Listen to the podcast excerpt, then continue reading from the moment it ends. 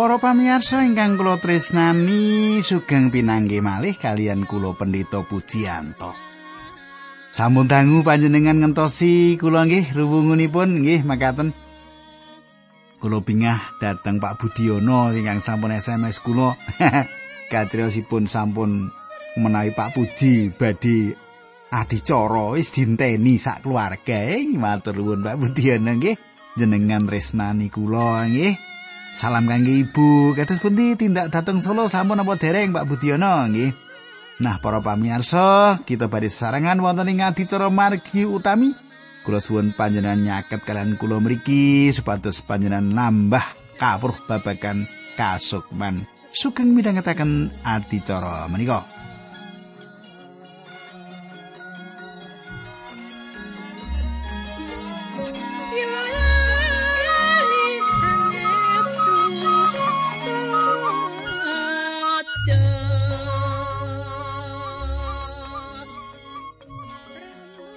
Pamirsa menapa panjenengan tasih kemutan menapa ingkang kula aturaken nalika kepengker kita sampun rampung angin kita sinau kitab kalih babat lan kita badhe nyemak inggih menika kitab setunggal Korinta. Menapa kemawon ingkang badhe dipun pratelakaken ing kitab menika kita badhe semak nanging saderengipun monggo kita tumungkul kita ndedonga. Do pengiran kawula nyuwun paduka bikak manah kawula supados kawula saged nampeni pangertosan-pangertosan kayektosan saking pangandikan paduka. Kanthi Suci Paduka tuntuni kawula supados pangandikan paduka saged kawula terapaken wonten ing lampah gesang kawula. Dinambaran asmanipun Gusti kawula Yesus Kristus kawula ndedonga haleluya amin.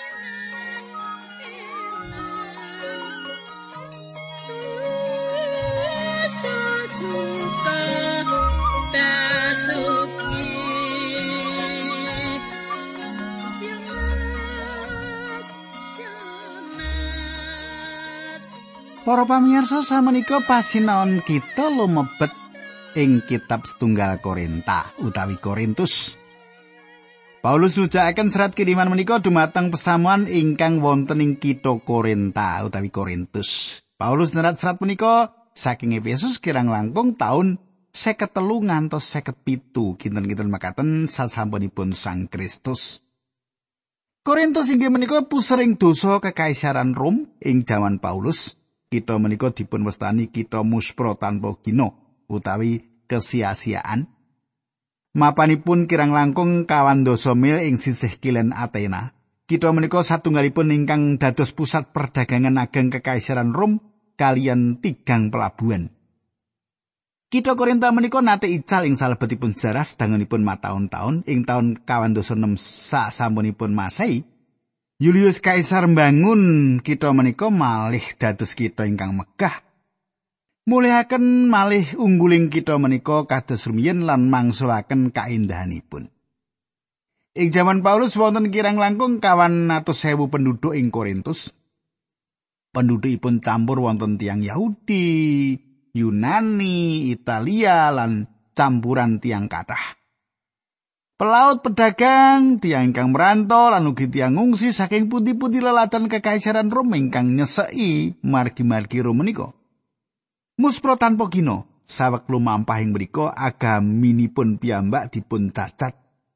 Kuil ingkang saestu indah dipun bangun kangge dewi bangsa Yunani Aprodit utawi Venus ingkang kita mangertos menika nami Romawi. Ing mriku gadah ewon pendeta wanita ingkang radosi pisungsung nanging sejatosipun tiang-tiang menika kados dene pelacur. Seks dados satunggalipun agami ing mriku.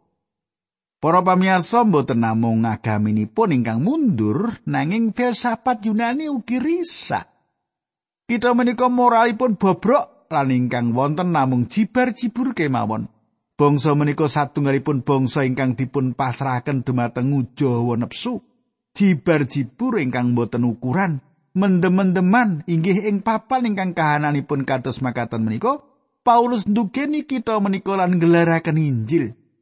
Piyambakipun ngedekaken gereja ing mriku lan damel kalih serat kangge pesaman ingkang wonten ing kita menika Paulus dumugi ing Korintus ing salebetipun lumampah gelaraken Injil ingkang kaping kalih lan anggenipun lumampah ngelaraken Injil menika lampah ingkang pungkasan kangge lampah ngelaraken Injil ingkang kaping tiga. Inggih wonten kita Korinta menika Paulus kepanggih kalian Aquila ugi Priscilla ingkang dipun tundung saking Rom awit saking parintah saking Kaisar Claudius. Awit saking parintah Kaisar Claudius. Para pamirsa ing wedal ingkang sepindahan Paulus dumugi Korintus, Paulus mucal wonten ing sinagoge kados padatan hasilipun inggih menika gegeran. Paulus manggih gegeran revolusi atau ewa-ewahan lan tatanan enggal ing pundi Paulus kesah. Semanten ugi ing kitha Korinta ing salebeting lampah ngelaraken Injil ingkang kaping 3 Paulus manggen dangu wonten ing kitha Efesus menika.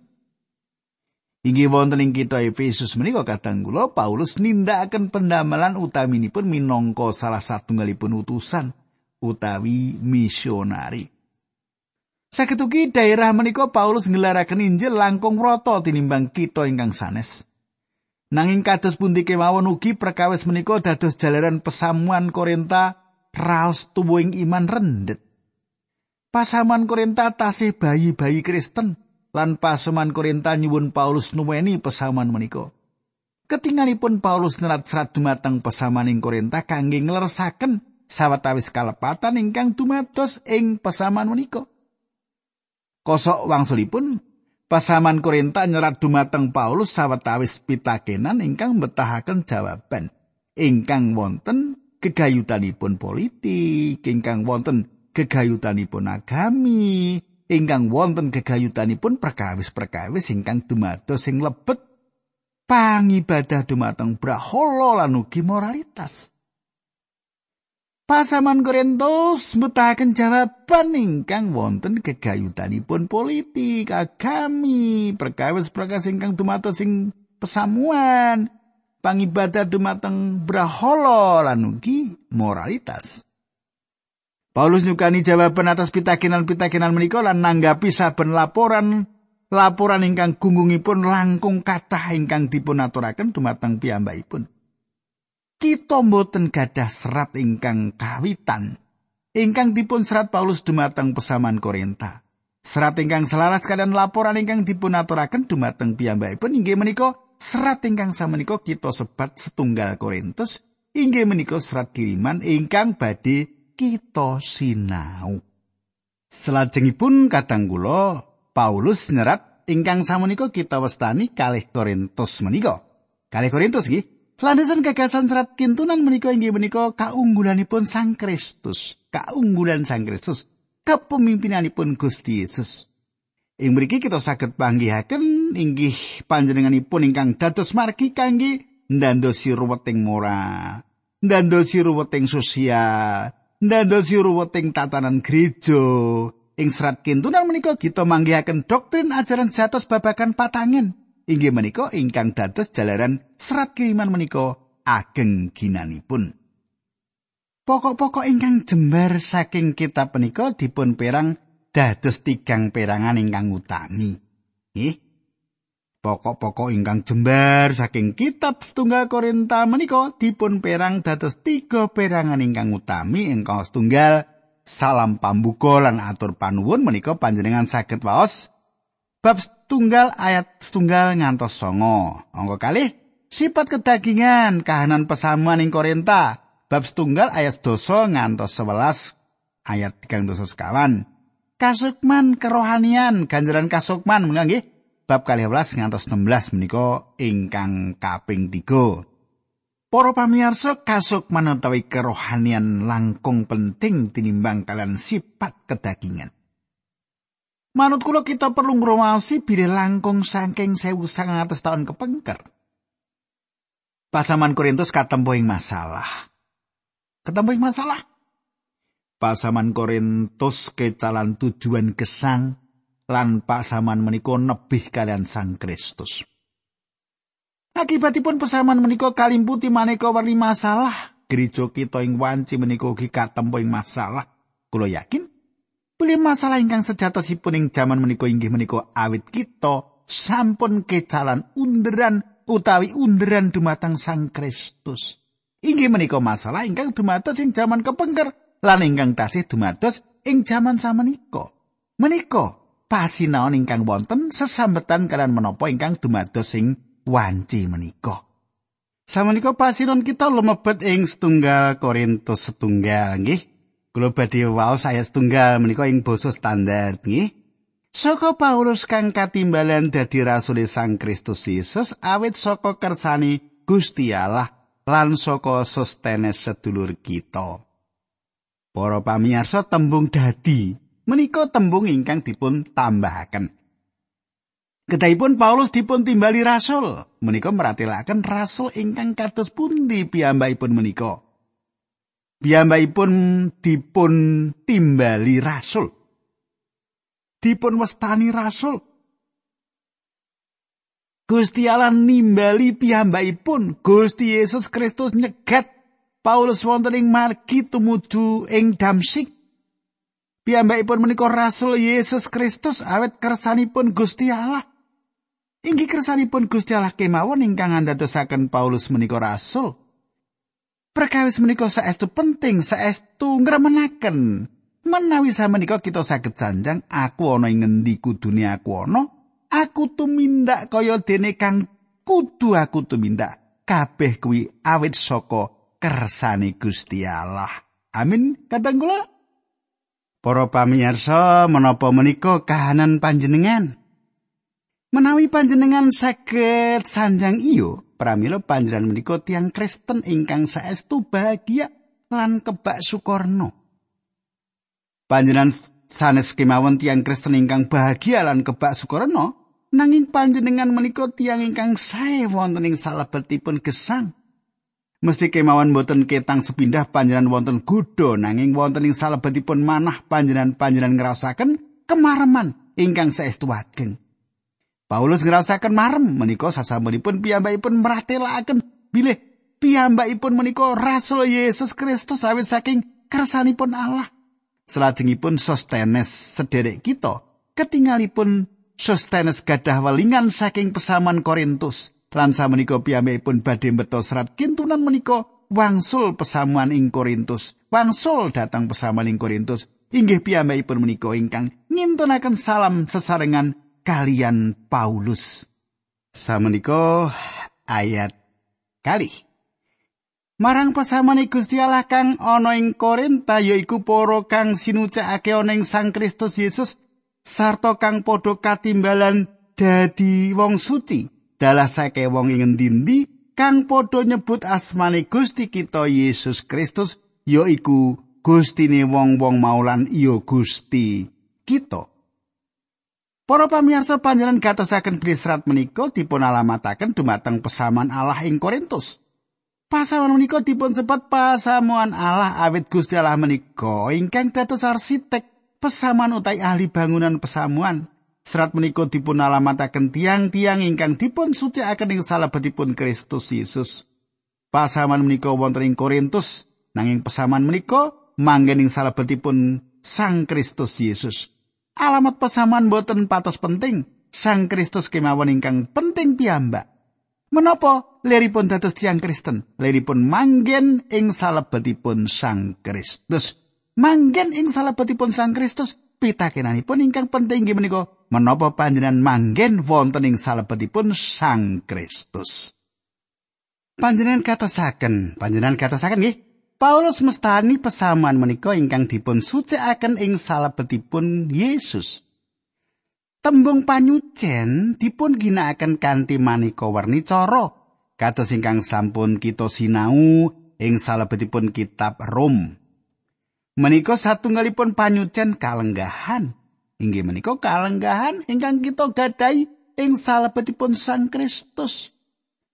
Menawi panyucen liripun dipun tunggalaken kalian Allah Rama utawi Allah Putra, Gusti Yesus Kristus pramila panyucen menika limrahipun dipun sebat panyucen kalenggahan.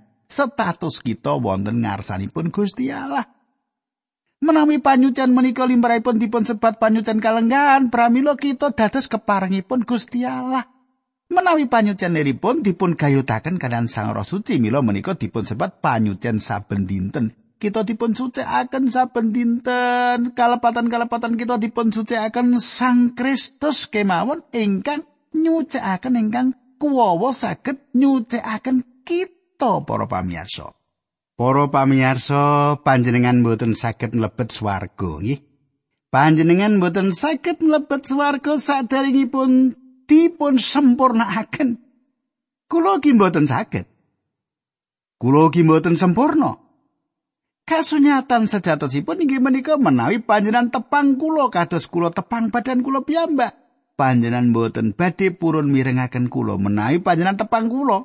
Nanging tenggo rumiyin Ampun ngicalaken kula rumiyin nggih, awit menawi kula tepang panjenengan kados panjenengan tepang badan panjenengan piyambak, kula mboten badhe rerembagan kalian panjenengan. Para pamirsa, panyucen inggih menika kalenggan kita ingkang kita gadahi ing salebetipun Sang Kristus. Menawi panjenengan kumandel dumateng panjenenganipun nggih, panjenenganipun badhe paring kawilujengan dumateng panjenengan. panjenengan sampun wirujeng samenika kados menapa wontenipun panjenengan satunggal juta taun saking samenika awit panjenengan dipun wilujengaken ing salebetipun Sang Kristus. Panjenengan boten saged nambah menapa kemawon gegayutan kawilujengan menika. Wonten ugi panyucen saben dinten inggih menika satunggalipun perkawis ingkang ewah gingsir. Tiang-tiang Korinta ketinggalipun boten kados tiang-tiang suci ingkang dipun suciaken. Pakaryan Sang Roh Suci mboten patos ketinggal ing salebetipun gesang pesaman Korintus. Nanging pesaman Korintus secara kalenggahan dipun sucikaken ing salebetipun Sang Kristus Yesus. Para pamirsa, pasaman Korinta ingkang dipun timbali dados tiang-tiang suci, sami kados Paulus ingkang dipun timbali rasul. Pasaman Korinta ugi dipun timbali dados tiang-tiang suci. pasaman ugi dipun timbali tiang-tiang suci. Kita mboten dados tiang-tiang suci awit menapa ingkang kita tindakaken. Kita dados tiang-tiang suci awit kalenggan kita wonten ing salebetipun Sang Kristus. Tembung suci sejatosipun liripun dipun piyambakaken konjuk Gusti Allah. Sedaya tiang Kristen kedah dipun sisihaken konjuk Gusti Allah makaten. Upaminipun gendul utawi buli-buli lan kuali ingkang dipun ginakaken ing tak bernakel lan salajengipun ing pedalaman suci dipun sebat wadah suci. Suci inggih awit barang-barang kala wau dipun ginakaken konjo Allah. Kanthi landesan menapa putra Allah dipun wastani suci utawi kudus, kanthi landesan bilih piyambakipun dipun agem dening Gusti Allah. Inggih menika kalenggan ingkang kita gadai. Tiang boten dados suci atas menapa ingkang dipun tindakaken nanging tiang suci awet dipun suci akan Gusti Yesus. sedaya umat manungsa keperang antasipun tiang suci kalian tiang boten suci. Menawi panjenengan wonten ing salebetipun Sang Kristus, pramila panjenengan sinebat dados tiang suci. Para pamirsa pasaman Korintus dipun wastani tiang-tiang suci sesarengan yaiku para kang sinucikake ana ing Sang Kristus Yesus sarta kang padha katimbalan dadi wong suci dalasake wong ing ngendi-endi kang padha nyebut asmane Gusti Yesus Kristus.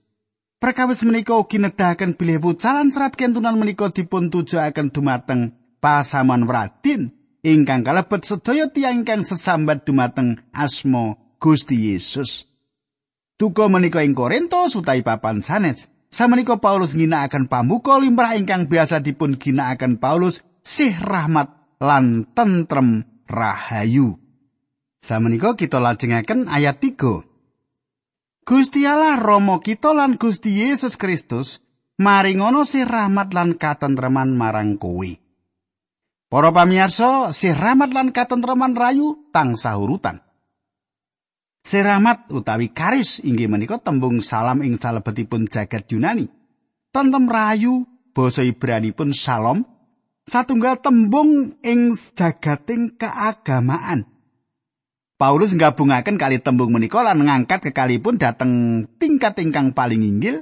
Panjenengan kula dipun wilujengaken awet sih rahmat Allah. Inggih menika pendamel katresnan. Ing wekdal kita dipun wilujengaken dening sih rahmat Allah. Pramila kita saged gadah tentrem rayu Allah ing manah kita. Menapa panjenengan sampun nampi Sang Kristus minangka Sang Juru Wilujeng? Menapa panjenengan sampun masrahaken dosa-dosa dumateng Sang Kristus?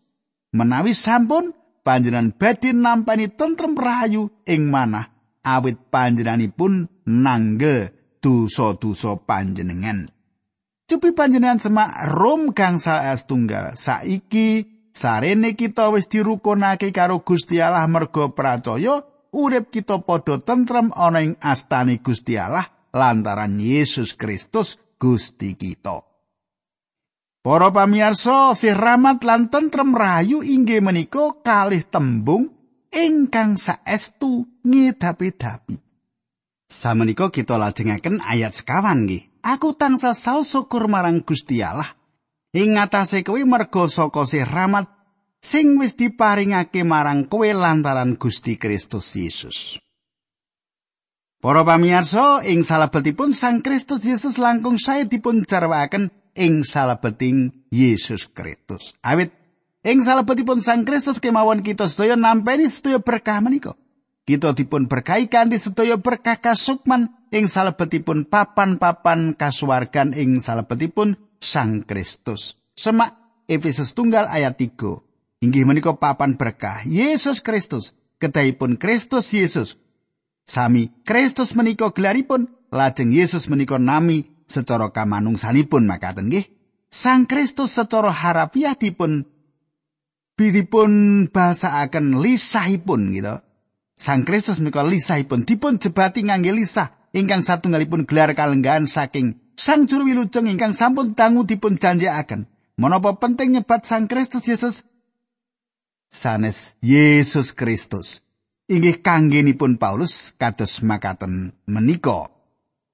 Para pamirsa Paulus nyukani mangertos kita bilih piyambakipun boten nate tepang Gusti Allah secara daging. Ingkang dipun kajengaken Paulus boten tepang Gusti Yesus ingkang gesang ing bumi menika ing wedal panjenenganipun dados manungsa. Paulus saged ugi sampun ningali panjenenganipun manut kula Paulus wonten ing papan ing wekdal Gusti Yesus dipun salib. Nanging kegayutan pribadi ingkang kawitanipun inggih menika kanthi Sang Kristus ingkang wungu lan kangge Paulus panjenenganipun tansah dados Gusti atas kaluhuran. Ing salebetipun perangan ageng serat kiriman Paulus kedahipun dipun serat Sang Kristus Yesus sanes Yesus Kristus. Kita lajengaken ayat gangsal sebab ing sajroning patunggalanmu karo Gusti Kristus kowe wis padha dadi sugih samubarang iya bab enggonmu caturan iya bab kawruhmu para pamirsa inggih menika ingkang Paulus rembak ing salebetipun Kolose 3 ayat 16 ing wedal Paulus sanjang makaten Injile Sang Kristus tangsa ana ing atimu kanthi luber padha wulang winulango lan wuruk winuruo kelawan kawicaksanan ing sampurnani padha ngrepekno Mazmur kitung lan kitung kasukman padha muji marang Gusti Allah kelawan syukur ana ing atimu. Para pamirsa awit kula mboten saged ngidungaken pramila kula sanjangaken ingkang kula kajengaken kula saged meratelaken kegayutan pangandikanipun Gusti Allah ing salebetipun sawetawis gereja Mazmur dipun kidungaken Manut kula kitab suci sawetahipun dipun kidungaken. Nanging kula mboten saged ngitung, ingkang penting nggih menika nyimpen pangandikanipun Sang Kristus wonten ing salebetipun manah kita. Menika mboten mesti kita kedah emot terus, liripun inggih menika kita kedah bangun turut kalian pangandikan menika. Menawi Sang Kristus wonten ing salebetipun manah panjenengan, pramila panjenengan badhe bangun turut panjenenganipun kita lan panjenengan gadah penggalih kegayutan panjenenganipun. panjenenganipun badhe ngebaki pikiran lan manah panjenengan. Sawetawis putranipun ingkang nakal piyambak ingkang nate kula pangi sampun ngapalaken atusan ayat kitab suci. Menika mboten ate kesedaya tiyang ketah ngapalaken kitab suci, namung awit sawetawis lari nakal ingkang sampun saged ngapalaken. Menika mboten ate kesak kedaripun ngapal kitab suci salajengipun nyimpen apalan menika ing salebeting manah panjenengan. Panjenengan nyimpen pangandikan ing salebetipun manah panjenengan kanthi cara panjenengan bangun turut dumateng panjenenganipun. Mikiraken panjenenganipun. Lan dipun bae dening panjenenganipun. Sebab ing sajroning sanes dening panjenengan ini kowe wis dadi sugih ing sambarang kalir. Menawi panjenenganipun dados Gusti atas gesang panjenengan pramila perkawis menika badhe mecahaken maneka warni masalah panjenengan inggih menika ingkang badhe Paulus rembak ing salebetipun serat kirimanipun Samenika kita lajengaken ayat 6. Piwulang bab Gusti Kristus kuwi wis surmesep ana ing atimu. Nganti sakjroning kuwi isih padha ngarep prawi Gusti Yesus Kristus, kuwi wis padha nampa sarupaning ganjaran saka roe Gusti Allah. Para pamirsa ing mriki piyambakipun naliti masalah ingkang nempuh gereja menika pasaman menika asipat jasmani. Pasaman namung dipun kebaki satunggal ganjaran Paulus sanjang saking wiwit milo bilih piyambakipun boten gadah kekajengan pasaman menika sing idaning ganjaran kasukan menapa kemawon. Kathah ganjaran. Paulus gadah kekajengan supados sedaya sing rahmat menika dipun wujudaken ing salebetipun gereja ngentosi pratela Gusti kita Yesus Kristus lenipun pasaman badhe kapenuan dening panjenenganipun. Ayat 8 mengkono uga Sang Kristus piyambak bakal ngreksa marang kowe nganti tekaning wekasan supaya besok ing dinane Gusti rawuh ngadili jagat iki kowe padha tinemu tanpa cacat. Para pamirsa Paulus sanjang tanpa cacat Paulus mboten sanjang pesaman menika kedah sempurna. Badhe tansah wonten tiyang ingkang manggihaken kalepatan panjenengan nanging panjenengan mboten pantes dipun lepataken kanthi mengkono kowe tanpa cacat ing dinane Gusti kita Yesus Kristus. Lan dinten Gusti kita Yesus Kristus mboten namung ngrujuk ing jaman samenika, nanging ngantos ing dinten panjenenganipun rawuh lan beto medal pesamaning saking bumi. Paulus ugi badhe ngrembak babagan menika ing salebetipun serat kiriman menika. Monggo kita tumungkul kita ndedonga. Monggo kita ndedonga. Duh Gusti Allah ingkang Maha Trisno. Berkahi sederek kawula ingkang sampun mirengaken menika. Paduka paringi kegiatan linambaran asmanipun Gusti Yesus kawula ndedonga. Haleluya. Amin